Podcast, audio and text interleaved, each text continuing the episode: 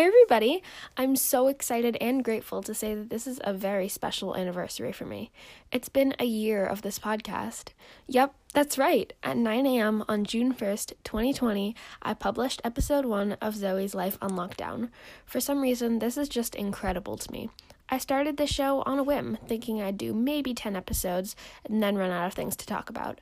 I never in a million years thought that I'd be here, thanking you all for listening to a year's worth of podcasts about my real life mystery.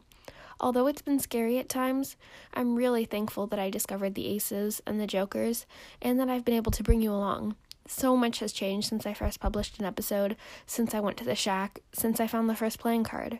But one thing is the same I'm so grateful to all of you for listening, for reaching out to me with your thoughts, and for enjoying the show.